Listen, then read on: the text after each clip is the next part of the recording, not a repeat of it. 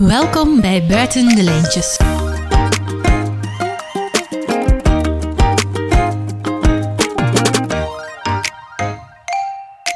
Welkom in Buiten de Lijntjes, de podcast over kleuteronderwijs in Vlaanderen. Ik ben uw vaste gastvrouw Eva Dieriks en ik heb vandaag een geweldige gast weer bij mij aan tafel om het over warme transities te hebben en ouderschoolpartnerschappen. Dag Jan de Met. Hallo. Kun jij jezelf even voorstellen? Ja, ik ehm, werk bij twee organisaties. Enerzijds Steunpunt Diversiteit en Leren van de UGent. En anderzijds bij VBJK, dat staat voor Vernieuwingen in de Basisvoorzieningen voor jonge kinderen. Dat is eigenlijk eh, een organisatie die al twintig jaar werkt, vooral in eerste instantie voor de kinderopvang, maar de laatste jaren voor de 0 tot 6-jarigen en hun begeleiders en leerkrachten. Super. Uh, en ik wou het vandaag met u dus hebben over uh, transities. Dan is de eerste logische vraag, wat zijn transities? Transities, ja, daar kunnen we een filosofisch boom over opzetten.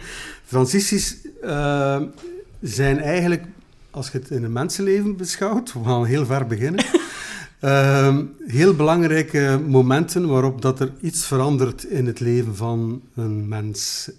Dat kan zijn van bijvoorbeeld van thuiscontext naar kinderopvang of van thuiscontext naar kleuterschool. Dat is één transitie. Evengoed zijn er rituelen rond puberteit in een mensenleven. Trouwen, uh, dopen, uh, lentefeesten. zijn eigenlijk allemaal transities. En ik wil eigenlijk ook wel, in mijn verhaal dat ik breng bij scholen en kinderbegeleiders, probeer ik ook wel te zeggen, beschouw het ook als een ritueel. Een heel belangrijk ritueel, een rite de passage Waardoor dat je misschien ook inziet dat dat best, als je zelf rituelen hebt meegemaakt of opbouwt, dat dat best aan een aantal voorwaarden voldoet om daar een heel mooi ritueel van te maken, waarvan dat diegene die centraal staat in die overgang, achteraf met heel veel voldoening uh, terugblikt op die transitie. En dus daar een hele mooie herinnering aan overhoudt. Wat ik vrees niet altijd het geval is bij kinderen die overgaan van kinderopvang naar kleuteronderwijs. En eigenlijk probeer ik uh, met schoolteams, kleuterteams, kleuterleerkrachten de klik te maken van bekijk het eens als een heel mooi, potentieel heel mooi ritueel waar je en kind en hun ouders, de ouders, mee in betrekt, goed naar luistert wat die ervan willen. Ja, ik ben zelf ook kleuterleerkracht en sinds kort ook ouder hè, van eh, een dochter. En ik moet zeggen, inderdaad, als ouder was dat toch een heel nieuwe ervaring die ik niet zo als kleuterleerkracht had ervaren. Of ik was daar niet zo bewust van destijds. Hoe dat, dat inderdaad voor ouders is, ook die, hoe dat jij ook centraal staat. En, en dat afscheid nemen en heel dat ja, ja, ritueel, is gewoon gelijk dat het zegt. Ja. ja. Het, het, ehm, en eigenlijk is dat herkenbaar bij wat ik hoor bij heel veel, zo, ah, ja. ja, niet de meeste kleuterleerkrachten. We zitten in een bepaalde manier van werken die al decennia lang uh, gebeurt. Een bepaalde manier van overgaan van het ene naar het andere fase in een kinderleven. En we stellen ons daar sowieso weinig vragen bij.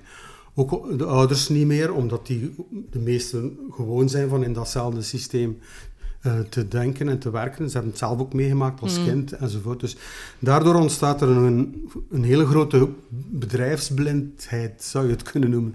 Waarbij dat je zelfs niet meer ziet wat daar de valkuilen of zelfs de negatieve gevolgen kunnen van zijn van het uh, te doen zoals dat we het al jaren doen. En wat, wat zijn die negatieve gevolgen dan? Kunnen dat concreter? Eh, daar zijn de laatste tien jaar vooral van een impuls vanuit een aantal landen waar uh, meer geïntegreerde kindcentra bestaan. Dus waar een kind van 0 of 1 jaar binnenkomt en uh, pas naar de school gaat als het leerplichttijd is, 6 of 7 jaar mhm. bijvoorbeeld. Um, samen met landen die willen evolueren naar zo'n systeem, we, zijn er onderzoeken, vooral ook onder impuls van de Europese Commissie, die daar ook wel begaan mee is, mm. zijn er onderzoeken geweest naar wat gevolgen heeft dat voor een kind als die de transities meemaakt, zoals dat we dat in Vlaanderen, maar ook in Frankrijk en andere landen uh, organiseren. En die, die, die gevolgen blijken niet min te zijn, niet voor alle kinderen. Maar er zijn linken met uh, moeilijke transities ook op andere momenten in de schoolloopbaan. Er zijn zelfs linken met uh, vroegtijdig schoolverlaten.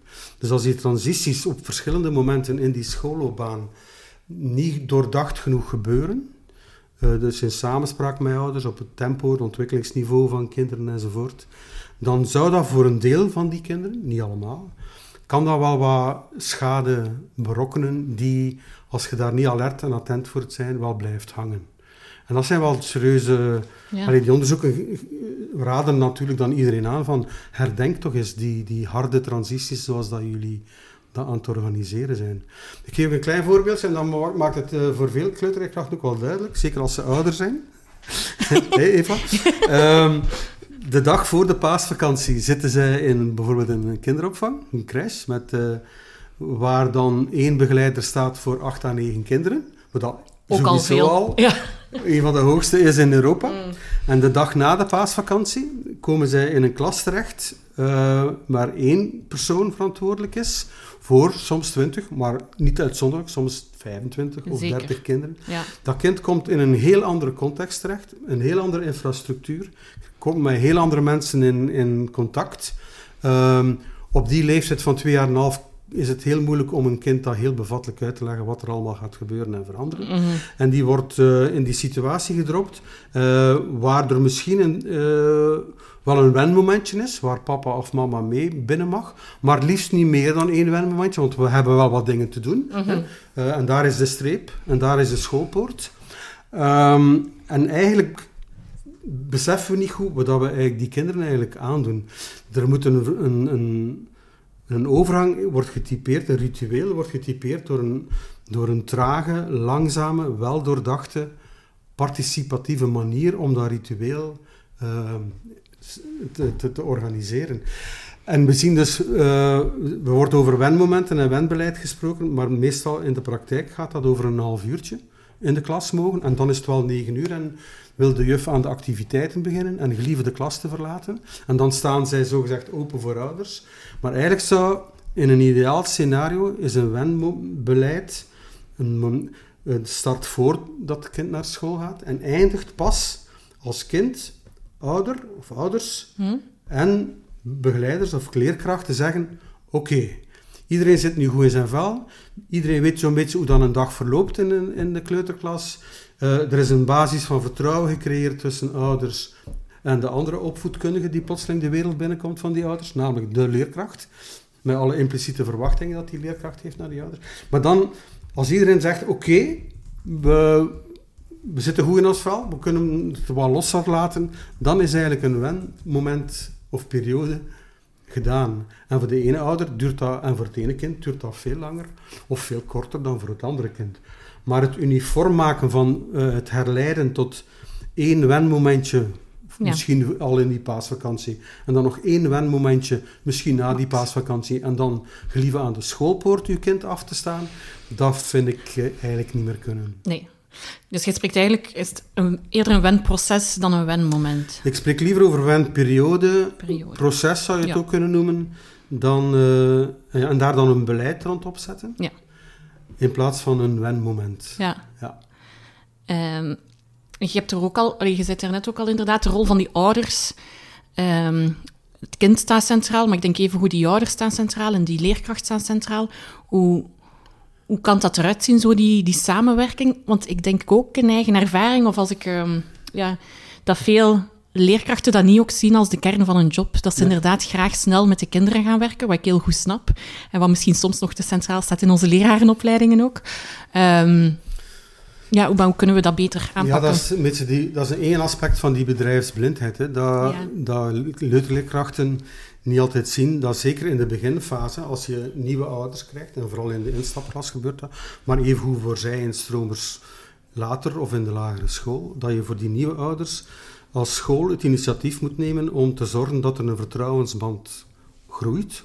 Uh, uh, en dat dat niet de verantwoordelijkheid is van de ouders om die te beginnen installeren, maar de verantwoordelijkheid van de school, dus van de leerkracht is, om die in gang te steken. De school is de pedagogische verantwoordelijke om ervoor te zorgen dat er een vertrouwensband komt. En zoals dat iedereen in alle andere aspecten van het leven uh, weet, vertrouwen komt niet op een half uurtje. Uh, vertrouwen komt niet door een telefoontje te plegen van hoe dat je kind het stelt. Vertrouwen is een langzaam proces. En uh, vraagt veel informele contacten met ouders. Dus uh, dat wenmomentje van een half uur is niet voldoende. Je moet breng- en haalmomenten zo organiseren dat je, dat je aanspreekbaar bent voor ouders. En of dat je ook dingen over het kind kunt vertellen aan ouders. Dus die breng- en haalmomenten zijn belangrijke ja. momenten.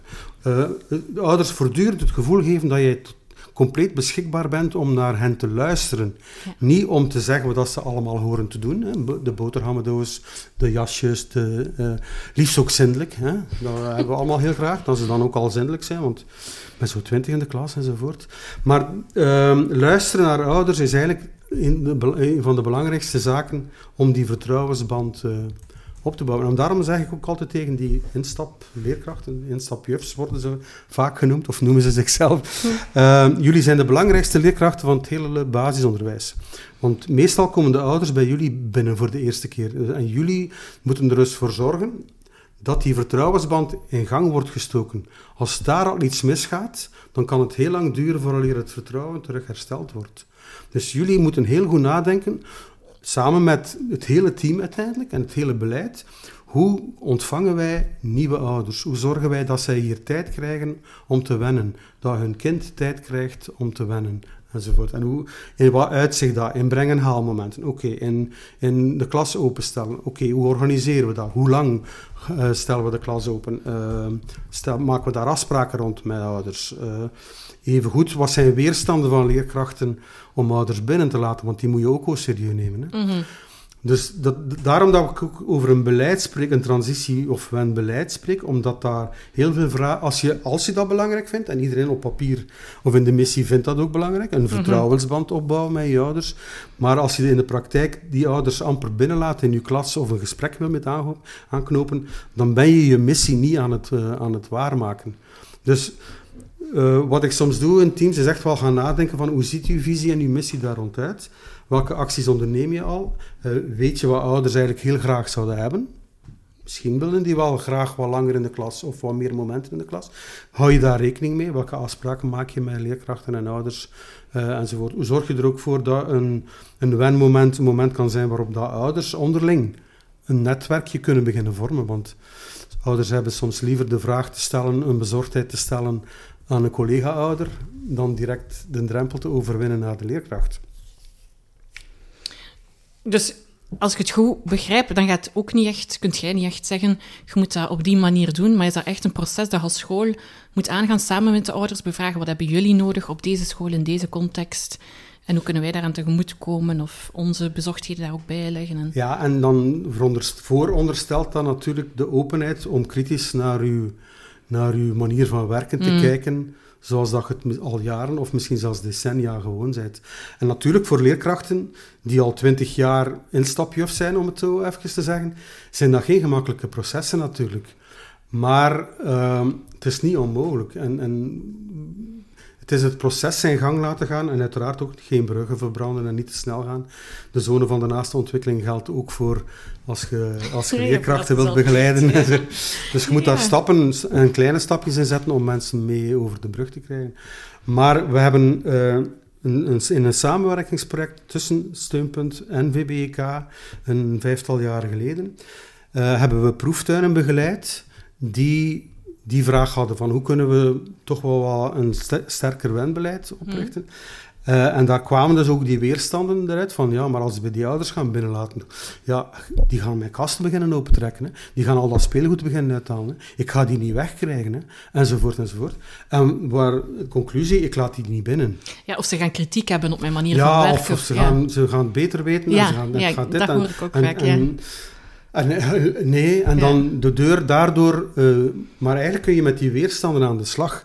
En het, het, opvallende was, we hebben dat dus ook begeleid in die locaties. En mm -hmm. op het einde van het tweejarig traject zei, geen, zei geen enkele school nog dat ze dat zouden willen werken zoals dat ze vroeger werkten. Er was zelfs één leerkracht die zei, ik snap het zelfs niet meer, hoe dat wij ouders zo de deur konden uitduwen, dat we die niet vroeger hebben binnengelaten om daar een gesprekje mee te hebben. Want de voordelen zijn er ook ja. wel. De leerkrachten, door gesprekjes te voeren met ouders, krijgen wat meer zicht op dat gezin, op het kind, uh, kunnen een vraag stellen van, hij was vandaag wat verdrietig, wat is er aan de hand? Is er iets gebeurd? Ja, zijn grootvader is gestorven. Die, die kleine hoeft niet zo zot lang te duren, maar die kleine gesprekjes zijn ongelooflijk waardevol en betekenisvol. Maar je moet dus ook als leerkracht, en dat is al het beleid, de ruimte creëren om die gesprekjes mogelijk te maken. En dat kan bij een start van een dag, dat kan bij een haalmoment zijn, dat kan op andere momenten zijn. Uh, zet al uw kanalen in om die gesprekjes uh, mogelijk te maken. Opdat je als leerkracht jouw bezorgdheden kunt uiten, maar vooral dat je de bezorgdheden en de vragen van ouders kunt aanhoren en die au serieus uh, gaat ja, nemen. Ik denk ook zeker inderdaad bij de overgang, als een kind voor het eerst naar school komt, inderdaad, is hij al naar de kinderopvang geweest of niet? Allee, ik denk, soms hebben ze daar zelf weinig zicht op. Of uh, allee, welke talen spreken ze en dat soort vragen. Ja. Uh, ja. Dus zo'n beleid, een onderdeeltje van zo'n beleid is ook ken uw gezin. Ja. Weet welke ouders dat je binnenkrijgt. Probeer te weten te komen uh, tijdens een intake- of inschrijvingsmoment wat hun vragen en bezorgdheden zijn. Ja. Er is ook onderzoek gebeurd naar wat de ouders dan zo bezorgd over zijn als het gaat over instappen in de kleuterklas. Dat is een collega van mij, Katrien Vallaar, die haar doctoraat daarover gemaakt heeft. En het zijn heel herkenbare vragen, uh, waar als we die eh, voorleggen aan kleuterleerkrachten, die zeggen, ja, natuurlijk dat ik daar zelf niet aan had. Mm Het gaat over socio-emotionele vragen. Hoe wordt er voor mijn kind gezorgd? Uh, hoe is het toiletmoment? hoe is de speeltijd? Ehm, wordt hij daar niet aan zijn lot overgelaten? Gaat hij niet hoe gaan jullie zien dat die gepest wordt als dat met zoveel kinderen is? Mm -hmm. Terechte vragen. Alleen zo, ah, echt, hoe, zit dat met pipi-kaka-moment? uh, wordt er wel genoeg, genoeg gezorgd? Eigenlijk heel socio-emotionele en, en bezorgde, terechte vragen van ouders, voor wie de onderwijswereld een nieuwe opvoedkundige wereld is die binnenkomt in het gezin. En waar ze wel langs meer rekening gaan moeten mee houden. En waar dus die leerkracht plotseling een collega opvoedkundige wordt naast de, de ouder zelf. Dus hoe fundamenteel is dat niet? Dat je zorgt voor een hele goede band en dus niet zo die bezorgdheden afdoen van ja, maar dat, dat, je mocht gerust zijn. Wij, zorgen, wij dragen daar wel zorg voor. Dat is niet de ouders geruststellen. Nee, nee. Ook al is dat heel goed bedoeld en, en is dat ook zo. Ja, ja. Maar zo werkt vertrouwensband creëren niet. Vertrouwensband creëren is zeggen van kijk, kom maar eens kijken en zo doen wij dat. Ja. Kijk, uh, morgen gaan we, gaan we gaan spelen in het bos. Kom eens mee, als je kunt. Ja, ja. Um, we, als je iets, een keer iets wilt komen voorlezen, kom gerust een boek voorlezen. En ondertussen zie je ook wat dat er gebeurt en hoe dat jouw kind ook in de groep is enzovoort. Ja. Dat is openstaan voor bezorgdheden van ouders. En wat we merken waar scholen die, die klik gemaakt hebben en ouders binnenlaten in de klas, die willen niet meer terug. Die zeggen dat is zo waardevol, ook voor ons werk, voor ons, voor ons als leerkracht zijn, dat we niet meer anders, anders zouden willen. Maar je moet natuurlijk, en daar, daar is ons begeleidingswerk ook voor, je moet een team kunnen begeleiden totdat ze die klik ja. maken. En soms duurt dat wel langer dan... Ja, dan, ja. Uh, ja en dat zorgen, hè, dat is ook zoiets fundamenteel waar dat onderwijs, zeker kleuteronderwijs, ook over aan het nadenken is. Inderdaad, de rol van zorg versus leren. Um, en, en, dat doet mij ook een beetje denken aan wat Van den Broek, eh, professor Van den Broek al in 2013 zei, hè, dat we soms te veel kinderen schoolrijp willen maken, in plaats van school- en kindrijp. De voorbeelden die je geeft, zo het pipi-kaka-momentje, ook het gaan slapen, zo die zaken, dat zijn ja, ook fundamentele zaken die je als ouder en ook als je de ontwikkeling van het kind kent, dat je weet, eigenlijk moeten we daar meer tijd en ruimte voor maken in de peuterklas. Ja. Uh, en er zijn, we zijn daar eigenlijk niet zo goed op uh, ingesteld. Het systeem van een kleuterschool is, om het heel zwart-wit te zeggen, het is natuurlijk veel genuanceerder, is uh, als kinderen naar hier komen, zijn ze best zindelijk. Dus liefst dat dat al op voorhand gebeurd is, want wij hebben wel wat anders te doen. We best uh, geen middagdutjes meer. Slaapmomenten liever niet, want de, we hebben onderwijsactiviteiten te doen. Enzovoort. Dus de, het kind hoort zich eigenlijk aan te passen aan het systeem school. Uh, dus liefst niet meer slapen, liefst ook niet meer uh, liefst al op het toilet kunnen gaan, liefst wat zelfstandig kunnen zijn, zelf de schoenen kunnen dicht doen, de jas aan de kapstok hangen. Dat is allemaal heel gemakkelijk voor ons als school, als dat al in orde zou zijn. Want als we daar ook nog eens tijd moeten insteken, en dat, dan, dat is het schoonste voorbeeld van de fragmentatie die er in de hoofden van, van de leerkrachten, maar niet alleen de leerkrachten, ook op den duur de ouders en zelfs bij kinderbegeleiders in de kinderopvang, leeft van zorgen en leren is iets anders. En zorgmomenten zijn, is voor een kleuterleerkracht Ja, is lastig. ja dus ondergeschikt ook, hè? Ja. Ik sta er alleen voor. Ja. Ehm, en voor, voor, ehm, voor een kind is dat heel vreemd natuurlijk om door te maken dat je een zorgmoment anders is dan een leermoment. Dat speeltijd ook iets anders is dan wat er in de klas gebeurt. We noemen het ook speeltijd. Wat, wat, wat gebeurt er dan in de klas? Wordt er dan niet meer gespeeld in de klas of zo? Eh, dus dat hele fra- gefragmenteerde systeem dat in de hoofden van de mensen, de mensheid in Vlaanderen zit, eh, die, die schotten moeten daarvan tussen. Ja. En daar halen we heel veel inspiratie uit. Bijvoorbeeld de landen waar een geïntegreerd systeem bestaat, waar die schotten eh, niet aanwezig zijn en waar een kind tussen 0 of 1 jaar en 6, 7 jaar op zijn eigen tempo kan groeien. En door een hele scherpe observatie eh, dat de professionals wel zien wanneer een kind echt wel toe is aan andere uitdagingen en dus toe is aan een overgang naar een andere leefgroep. En niet per se op 1 september die overgang moet maken of na elke vakantie die overgang moet maken. Nee, als het kind daartoe rijp is, ont- eh, zich in die mate ontwikkeld heeft dat het naar een andere leefgroep kan gaan, dan, dan gebeurt dat ook met een ritueel. Ook daar is dat een overgang. Maar een, ritueel dat natuurlijk in een heel vertrouwde omgeving gebeurt, waar iedereen, waar het kind de mensen al kent waar, ze, waar het naartoe gaat gaan in de andere leefgroep. Want die, die dingen lopen ook wel soms wel door elkaar en zo. Dus die fragmentatie proberen los te laten. Het is altijd grappig als we leerkrachten van Scandinavische landen of IJsland op bezoek krijgen. Die snappen niet dat zindelijkheid bij ons een probleem is dat zelfs tot in het Vlaams regeerakkoord vermeld is. Die vinden dat zo bizar dat dat, dat een issue is waar je moet over discussiëren. En dat eh, de druk van de ene op de andere wordt gelegd. Van leerkrachten, ja maar ouders, Mm. ja maar kinderopvang. En waar dus ook kinderbegeleiders van zeggen, yes, we hebben dat kind klaargekregen voor het kleuteronderwijs. We hebben die zindelijk kunnen maken. En die kan al zijn, zijn schoenen zelf toedoen. Yes, eh, dus kinderbegeleiders worden soms versterkt in hun professionele identiteit, doordat ze dat kind schoolrijp gekregen hebben. En ouders vinden dat dan ook belangrijk. En zo krijg je een driehoek die elkaar alleen maar versterkt in dat schoolrijp maken van een kind. En het kind krijgt, voelt die stress natuurlijk ook wel. Ik moet schoolrijp zijn. En hervallen is, eh, is, is toch niet zo aangenaam. Hè? Als je niet, nog niet, als je zindelijk bent, maar toch hervalt en zo. Wat dan heel normaal is dat een kind hervalt. Ja. Enzovoort. Maar dat is allemaal in de sfeer van... "Goh, zeg, ja, ja. Allee, jij, kon toch al naar het toiletje gaan? En dat was toch geen probleem? En, en dus die stress die we aan kinderen daar ontgeven, val van thuis, op voorhand en in de school zelf, dat is voor Scandinavische leerkrachten een heel vreemde situatie.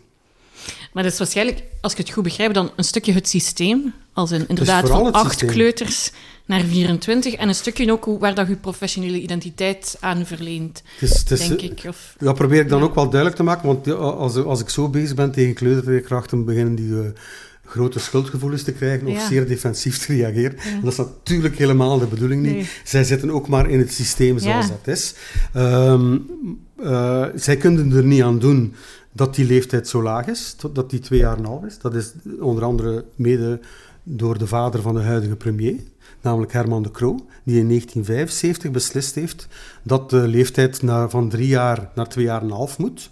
Vermoedelijk omdat er een tekort, een teveel aan leerkrachten was, zodanig dat die dan een job hadden door de leeftijd te verlagen. Maar goed, je, waar drie jaar al zeer laag is in vergelijking Ja. met veel Europese landen, is twee jaar en een half natuurlijk bijna problematisch. ja, Dus dat kunnen die kleuterleerkrachten niet aan doen. nee. Tegelijkertijd zijn die ook niet opgeleid om met zorgvragen bezig te zijn. En, en ik, we hebben cursussen, in een project hebben we cursussen van lerarenopleidingen op dat aspect naast elkaar gelegd. Niet allemaal, maar er zijn nog altijd cursussen waar zindelijkheid eigenlijk benaderd was als iets dat je eh, vooral aan de ouders moet vragen dat ze in orde brengen en dat ze daarvoor eh, ondersteuning kunnen vragen bij kind en gezin. Ja, dan krijg je natuurlijk ook de situatie dat je met, leu- met kleuterleerkrachten zit. De nieuwe generatie is misschien anders, dat, daar kan ik niet zo niet over oordelen. Maar met een groep kleuterleerkrachten zit die, eh, die daarin opgeleid is en die het systeem nooit anders gekend heeft dan grote groepen eh, met heel veel zorgvragen waar je niet altijd kunt aan beantwoorden enzovoort. En dat het ook anders kan, dat moeten wij dan inbrengen door de verhalen die wij kunnen meebrengen vanuit andere landen. Ja. Heb je wat concrete voorbeelden van best practices of innovatieve benaderingen uit andere landen of hier? Um, die scholen kunnen gebruiken bij. Uh, ja, uh, het, een, een, het idee van een geïntegreerd kindcentrum is natuurlijk uh, een heel mooi idee, maar niet direct toepasbaar in de, Vlaamse, in de Vlaamse context. Maar mochten we daar binnen dit en een paar generaties kunnen naartoe groeien, en ik denk dat er stappen aan het, aan het komen zijn die daar naartoe gaan, dan zou dat wel, wel mooi zijn. Je, je krijgt dan een nieuwe transitieovergang natuurlijk op 6, 7-jarige leeftijd of 5-jarige leeftijd. Uh, ja. Maar dat is toch een andere leeftijd om mee om te gaan ja. dan, dan uh, twee jaar en een half. Uh, om een klein voorbeeldje te geven, zelfs bij 6, 7-jarigen in Denemarken is er een transitiecoach verantwoordelijk.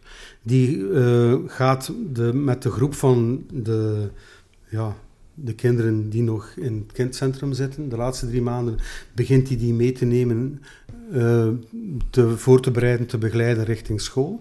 En die gaat na de zomervakantie, op 1 augustus beginnen de scholen daar opnieuw, gaat hij nog eens drie maanden in de school meedraaien met die kinderen om ervoor te zorgen dat die overgang heel mooi, vlot, traag uh, verloopt in samenwerking met ouders en met leerkrachten. Dus voor de leeftijd van 6, 7 jaar vinden zij het belangrijk om een, een leerkracht, ja. transitiecoach, vrij te stellen voor minstens een half jaar om dat werk te doen. Wij hebben niemand en niets op twee jaar en een half.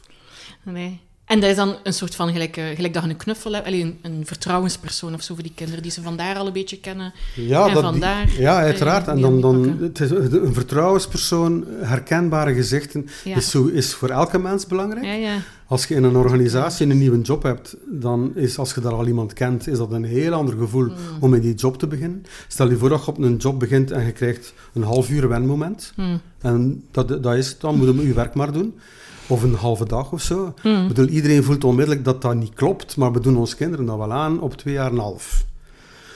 Dat is, dat is de, harde, de, de harde realiteit. En we kunnen dat niet, al, niet zo gemakkelijk veranderen, omdat we nu eenmaal met een zeer gesplitst systeem zitten. Alles voor twee jaar en een half is uh, kinderbegeleiding, is een andere vooropleiding, is uh, een ander ministerie, is een andere verloning. En vanaf twee jaar en een half zijn dan plotseling onderwijs. Hè. Er moet geleerd worden, we noemen dat school. Er is geen enkel kindcentrum in een Scandinavisch land dat, dus, dat nog maar durft het woord school plakken tot de leeftijd van 6, 7 jaar. Maar wij noemen dat school en er moet geleerd worden. En er zijn dus activiteiten uh, die gepland moeten worden, ontwikkelingsdoelen die moeten, moeten behaald worden. En er is speeltijd, maar daarna moet er wel, uh, enzovoort, enzovoort. Dus we zitten met een heel gefragmenteerd systeem, ook in de hoofden van, van de professionals. En dat, dat, maakt het, dat maakt het zeer moeilijk om daar verschuivingen te krijgen, ook omdat je daar geen greep op hebt. Er, is, er zijn niet veel scholen, er zijn er wel, maar er zijn niet veel scholen die hun kleutergroepen in de in de eerste, tweede, derde kleuterklas terug kunnen brengen van 20, 25 naar 12 bijvoorbeeld. Maar er zijn er wel. Hmm. Die zeggen van, dat is zo belangrijk dat we kleine groepen houden en maken in de kleuterklas. Dat we daar zo organiseren dat er dan later wat grotere groepen zijn. Dat, dat is dan... Een, dat is ook een mooi voorbeeld. Ze op, Zijn ze op de leeftijd dat ze dat misschien beter aan kunnen en zo. Ja. Maar die kleuterklasgroepen moeten veel kleiner. Ja. En als er één... Er is een hele grote nood bij de kinderopvang om meer begeleiders te hebben voor een aantal kinderen. Nu zijn er 1 op 8 à 9, in Nederland 1 op 3. Uh, eh, of 1 op 5 als ze wat ouder zijn. In Denemarken Doffies 1 begeleider op 3 kinderen. Maar wij vinden 1 op 8 à 9. Uh, ja, nu begint de geesten te rijpen dat dat toch wel wat, wat veel is. Maar goed, dan zeg ik tegen de kleuterleerkrachten, maar dat geldt voor, voor jullie ook. Oh my God, echt waar. Hoe kunnen ja. jullie jullie werk deftig doen? Hoe kunnen jullie aantalige rijke taalwerken bijvoorbeeld, uh, als je met een groep van 20, 25 kinderen zit, dat, dat, is toch onmogelijk? Ja, uh, er was een congres in, uh, van Kleutergewijs, de blog, een paar jaar geleden. En dan kwam een, uh, een Nederlandse collega, een wetenschapster, spreken over, um, over transities en over het jonge kind. en dan, um, dan zei zij, een van mijn belangrijkste adviezen is om de hoeveelheid kinderen per begeleider te verminderen. in plaats van 1 op 5, 1 op 4 of 1 op 3 ja, die kleuterleerkrachten begonnen te lachen natuurlijk. Die zeiden, ja, 1 op 24. Allee, wat moeten we hiermee? Ja, ja dat, dat kan die kleuterleerkracht niks aan doen. Nee, nee, absoluut Maar die kunnen, de enige rol die zij kunnen spelen is het blijven aankaarten aan beleidsmakers, al dan niet via vakbonden. Ik weet ook niet of dat vakbonden daar zo... Ik denk dat ook die daar de geesten aan het rijpen zijn, richting, uh, dan moet hier echt wel anders. Um, maar op het beleid blijven, ja. op, die, op die nagel blijven kloppen van... Niet alleen in de kinderopvang, maar ook onze kleuterklassen moeten kleiner. Ja. En er zijn ook uh, onderzoeken die aantonen dat dat zelfs wenselijk is tot zelfs de eerste graad eerste, tweede leerjaar ook best nog beperkte kleine groepen. En dat je dan groter en groter kunt worden. Ja. Uh, maar ja, de beleidsmakers uh, gaan schermen met middelen en geld. Maar dan, is het een dan gaat het over een politieke keuze die je maakt en hoe belangrijk je kinderen vindt in, in, in de mhm. samenleving. Ik geloof dat Wim van Lanker was, prof aan de KU Leuven, die eens berekend heeft hoeveel Vlaanderen per kind per uur besteedt aan, uh, aan kinderen. Dat was geloof ik iets van een... Um, ja, de cijfers ontsnappen me niet. Ik geloof dat dat 2 euro per uur per kind was. Nederland 6 euro per uur per kind en Zweden 8 euro per uur per kind. Eh, het percentage dat Vlaanderen besteedt van zijn bruto binnenlands product aan kinderen, om het zo te zeggen, is 0,2%. In Zweden 0,8%. Dus dat zijn beleidskeuzes die ooit gemaakt zijn, waarbij dat, uh, de kwaliteit van uw basisvoorziening, uh, de ontwikkeling van het kind prioritair staan, boven alle andere uh, beleidspunten. En dat, in, in IJsland heb ik al onlangs van een collega gehoord, als die, die basisvoorzieningen niet kwaliteitsvol zijn, beslissen ouders om hun kinderen niet naar de kinderopvang te sturen. Dan zeggen die, als het niet kwaliteitsvol is, blijf ik nog liever thuis. Dus dan voel je dat in die landen er een soort cultuur heerst, waarbij dat die kwaliteit en het volgen van het kind prioritair is. En dan daar de politieke keuzes uit vloeien. Hmm. En in Vlaanderen hebben we daar nog wel, zeker bij de huidige beleidsmakers, hebben we daar nog wel wat masseerwerk uh, te doen. Ja. Um, ik kan ook keer terugkomen wel op de vorige vraag, als dat voor u oké is. Uh, rond um, goede ideeën om toe te passen, best practices. Ik heb al gehoord aan transitiecoach, vond ik wel een tof idee. Uh, ja, kleinere groepen maken, daar creatief met de middelen omgaan, daarvoor veronderstel ik. Dat zijn ehm, geen evidente dingen natuurlijk, hè? omdat je niet altijd de sleutel in handen hebt om die middelen uh, naar uw zin te gebruiken. En het systeem is ook wat dat het is. Hè.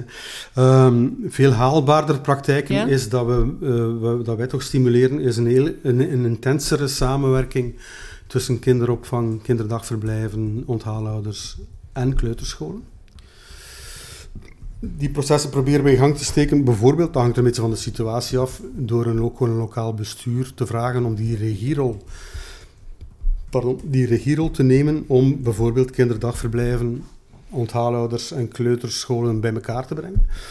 Er is een project in Antwerpen, het trampolineproject, waar we lokale besturen daarin begeleiden om dat werk te doen. En één mooi voorbeeld is Arendonk, um, waarbij dat de directies en de coördinatoren van scholen en kinderdagverblijven onder impuls van het lokaal bestuur samenkwamen en zeiden, ja inderdaad, dit is een belangrijk thema. En die een inspiratieavond georganiseerd hebben waar alle onthaalouders, uh, kinderbegeleiders uh, en kleuterleerkrachten aanwezig waren, van heel Arendonk. En waar gevraagd werd van, oké, hoe kunnen we hoe kunnen we voor die overgang, hoe kunnen we die overgang wat trager, kindgerichter enzovoort maken. Ehm, en daar zijn plannen uitgekomen die heel concreet waren. Namelijk, ja, allemaal goed en wel, maar eigenlijk weet ik niet hoe dat een kinderdagverblijf werkt. Ja, ja. Met welke pedagogische visie dat die werken. Hebben die een volgsysteem? Ah ja, een ziekenvolginstrument. Ah, die kennen dat niet. Dus het elkaar leren kennen was de eerste stap binnen Arendonk. Van een keer bij elkaar op bezoek gaan, hospiteren, uh, noemt dat in het, jargon. um, de tweede stap is dan te zeggen, eigenlijk is het toch onnozel dat wij binnen een kinderdagverblijf een kinddagportret maken en dat we dat niet meegeven en dat de school weer van, van ja. nul moet beginnen. Zouden we niet aan een gezamenlijk kindportret kunnen werken? Dat we gewoon doorgeven als het kind van de kinderopvang naar de kleuterschool gaat. En hoe kunnen we dat dan verzorgen dat dat toch met toestemming van de ouders gebeurt? Of zelfs een aanleiding zou kunnen zijn om het gesprek met ouders te voeren over... Uh, vertel mij eens aan mij, kleuterleerkracht, we hebben hier een uh, kindportret van de kinderdagverblijf gekregen. Vertel daar eens over. Hoe, hoe, is jouw kind? Wat, wat, weten wij best om jouw kind hier in de school zo goed mogelijk te begeleiden? Dus het werken aan dat soort gemeenschappelijke systeempjes, zoals een kindportret, zoals samenkomen, zoals bij elkaar op bezoek gaan, mekaars werking leren kennen en elkaar kritisch durven bevragen, want er komen soms wel wat pikante vragen uit van, mogen de ouders niet binnen bij jullie?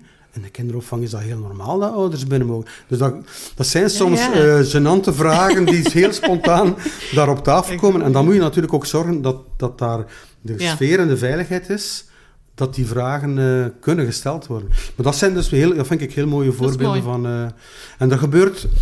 Er is een, ik denk dat er een kentering aan het komen is in de geesten van scholen en kinderdagverblijven van we moeten veel meer samenwerken. En die wendperiode moeten we veel meer samen voorbereiden, moet trager, moet langer uitgestrekt zijn. Eh, moeten we tijd en middelen voor vrijmaken, wat dan niet evident is, zeker niet in de kinderdagverblijven en eigenlijk ook niet in de kleuterleerkrachten met een tekort aan begeleiders en leerkrachten. Niet evident, maar ik, zie, ik merk dat men daar toch dat zodanig prioritair begint te vinden dat men wel middeltjes en tijd vindt om dat Ja. orga- georganiseerd eh, te krijgen. Ja, misschien ook soms zo'n kleine dingen gelijk samen professionaliseren of zoiets. Ik denk dat zowel onthaalouders als kleuterscholen bezig zijn met risky play en loose parts. Wellicht, wellicht, ja. En, eh, ja, dat, Maar ook onthaalouders zitten daar nog in, met de extra moeilijkheid dat zij nog minder kindvrije uren Ja, ja. hebben dan soms in een kinderopvang of, of zelfs een kleuterleerkracht. Ook dat is overigens een, een, eh, een heel belangrijk iets dat we systemisch moeten aanpakken, ook beleidsmakers dus moeten aanpakken. Zorg voor meer kindvrije uren. absoluut. In, in, in het kleuteronderwijs, mijn vrouw is kleuterleerkracht. Wanneer komen de werkgroepen samen? Over de middag, met de boterhammen op de schoot. Wanneer is personeelsvergadering? De maandag om de twee weken of om de maand om vier, van vier tot zes. Dus na de schooluren, waar iedereen al Hmm. heel moe eh, van een drukke dag zit, en waar iedereen van vindt van... ik wil graag snel naar huis, want ik heb kinderen, ik moet eten nog klaarmaken, ik moet boodschappen doen enzovoort. Dus de hele cultuur van overleggen en samen overleggen en een pedagogische visie verder uitwerken en ontwikkelen, gebeurt, moet eigenlijk na de schooluren gebeuren. Ja, dat- geen enkel, geen enkele organisatie, bedrijf, Nee. team eh, doet dat buiten zijn werkuren. Dat is gewoon ingeplant in het werk dat je overlegt en dat je samen afspreekt en dat je het over je leerlingen kunt Ja, het hebben. is over- fundamenteel voor uw werk ook. Hè. en Het is, ja. dus dat fundamenteel luik van uw werk zit systemisch Nee. niet in dat werk. Wat dat een hele bizarre situatie is. En waar dat dus ook diezelfde leerkrachten van het buitenland hun ogen optrekken van hoe is dat in godsnaam mogelijk dat je geen tijd hebt om te overleggen met je collega kleuterleerkrachten. Dus dat is ook iets pardon, dat die kleuterleerkrachten niet veel kunnen aan doen, maar waar ik zie dat ze toch wel middelen vinden om te zeggen, oké, ja. ik zal uw klas overnemen. Ga jij eens naar dat kinderdagverblijf een halve dag gaan meedraaien om Ja. te zien hoe dat, dat daar werkt. Ja. Bijvoorbeeld. Of omgekeerd. Eh, we gaan een onthaalhouder die even vrij af kan, kon nemen bij, bij het maandelijks vormingsmoment dat ze dan toch krijgen, om eens naar de kleuterschool te komen kijken. Dus ik zie zo heel kleine ja, initiatiefjes nemen, waardoor dat mensen elkaar leren kennen en waardoor dat het dat sowieso een noodzakelijke voorwaarde is. Hè? Vertrouwensband, weet je nog? Informele contact. eh, om überhaupt tot een betere samenwerking te komen. Super. Ja, mooie voorbeelden. Ehm, ja, transities zijn voor een heleboel kinderen moeilijk, maar ik denk voor sommige kinderen, of dat blijkt ook, hè, kinderen die de Nederlandse taal nog niet machtig zijn, kinderen met beperking, kinderen die opgroeien in kansarmoede, ja, zijn dat extra drempels of een extra grote ja, stap, barrière. Niet altijd een even mooi ritueel of een, allee, met veel hindernissen. Ja, hoe kunnen leerkrachten en andere professionals bij het jonge kind ja, inclusiviteit bevorderen tijdens die overgangsperiodes?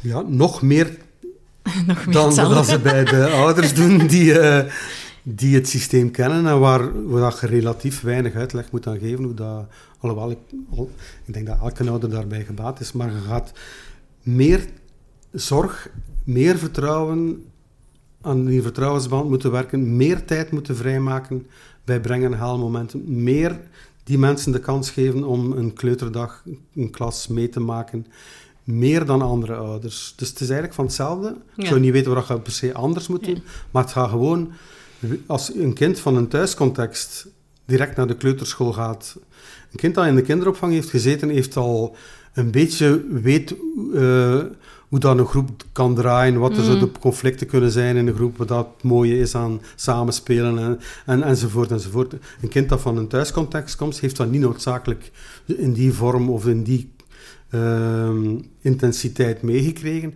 waardoor dat hij helemaal plotseling in een groep terechtkomt waar alles vreemd is. Die komt echt op een andere planeet terecht. En daar kun je niet anders dan als school voor zorgen dat je net voor die kinderen tweedubbel, driedubbel zoveel tijd en energie ja. vrijmaakt in het zorgen voor zorg, uh, contact met die ouders. Uh, en dat kan soms een half jaar duren, tegen dan een ouder zegt...